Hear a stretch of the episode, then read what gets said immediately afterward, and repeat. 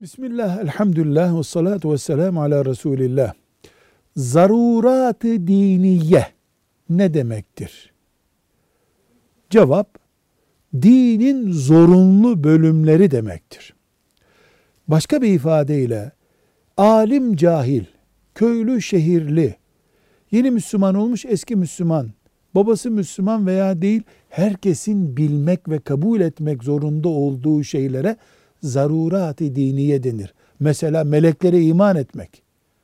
Özel bir ilimle öğrenilen bir şey değildir. Zarurat-ı diniyedendir. Mesela İslam namaz dinidir. Zekat dinidir. Hac dinidir. İslam anne ve babaya itaati emreden bir dindir.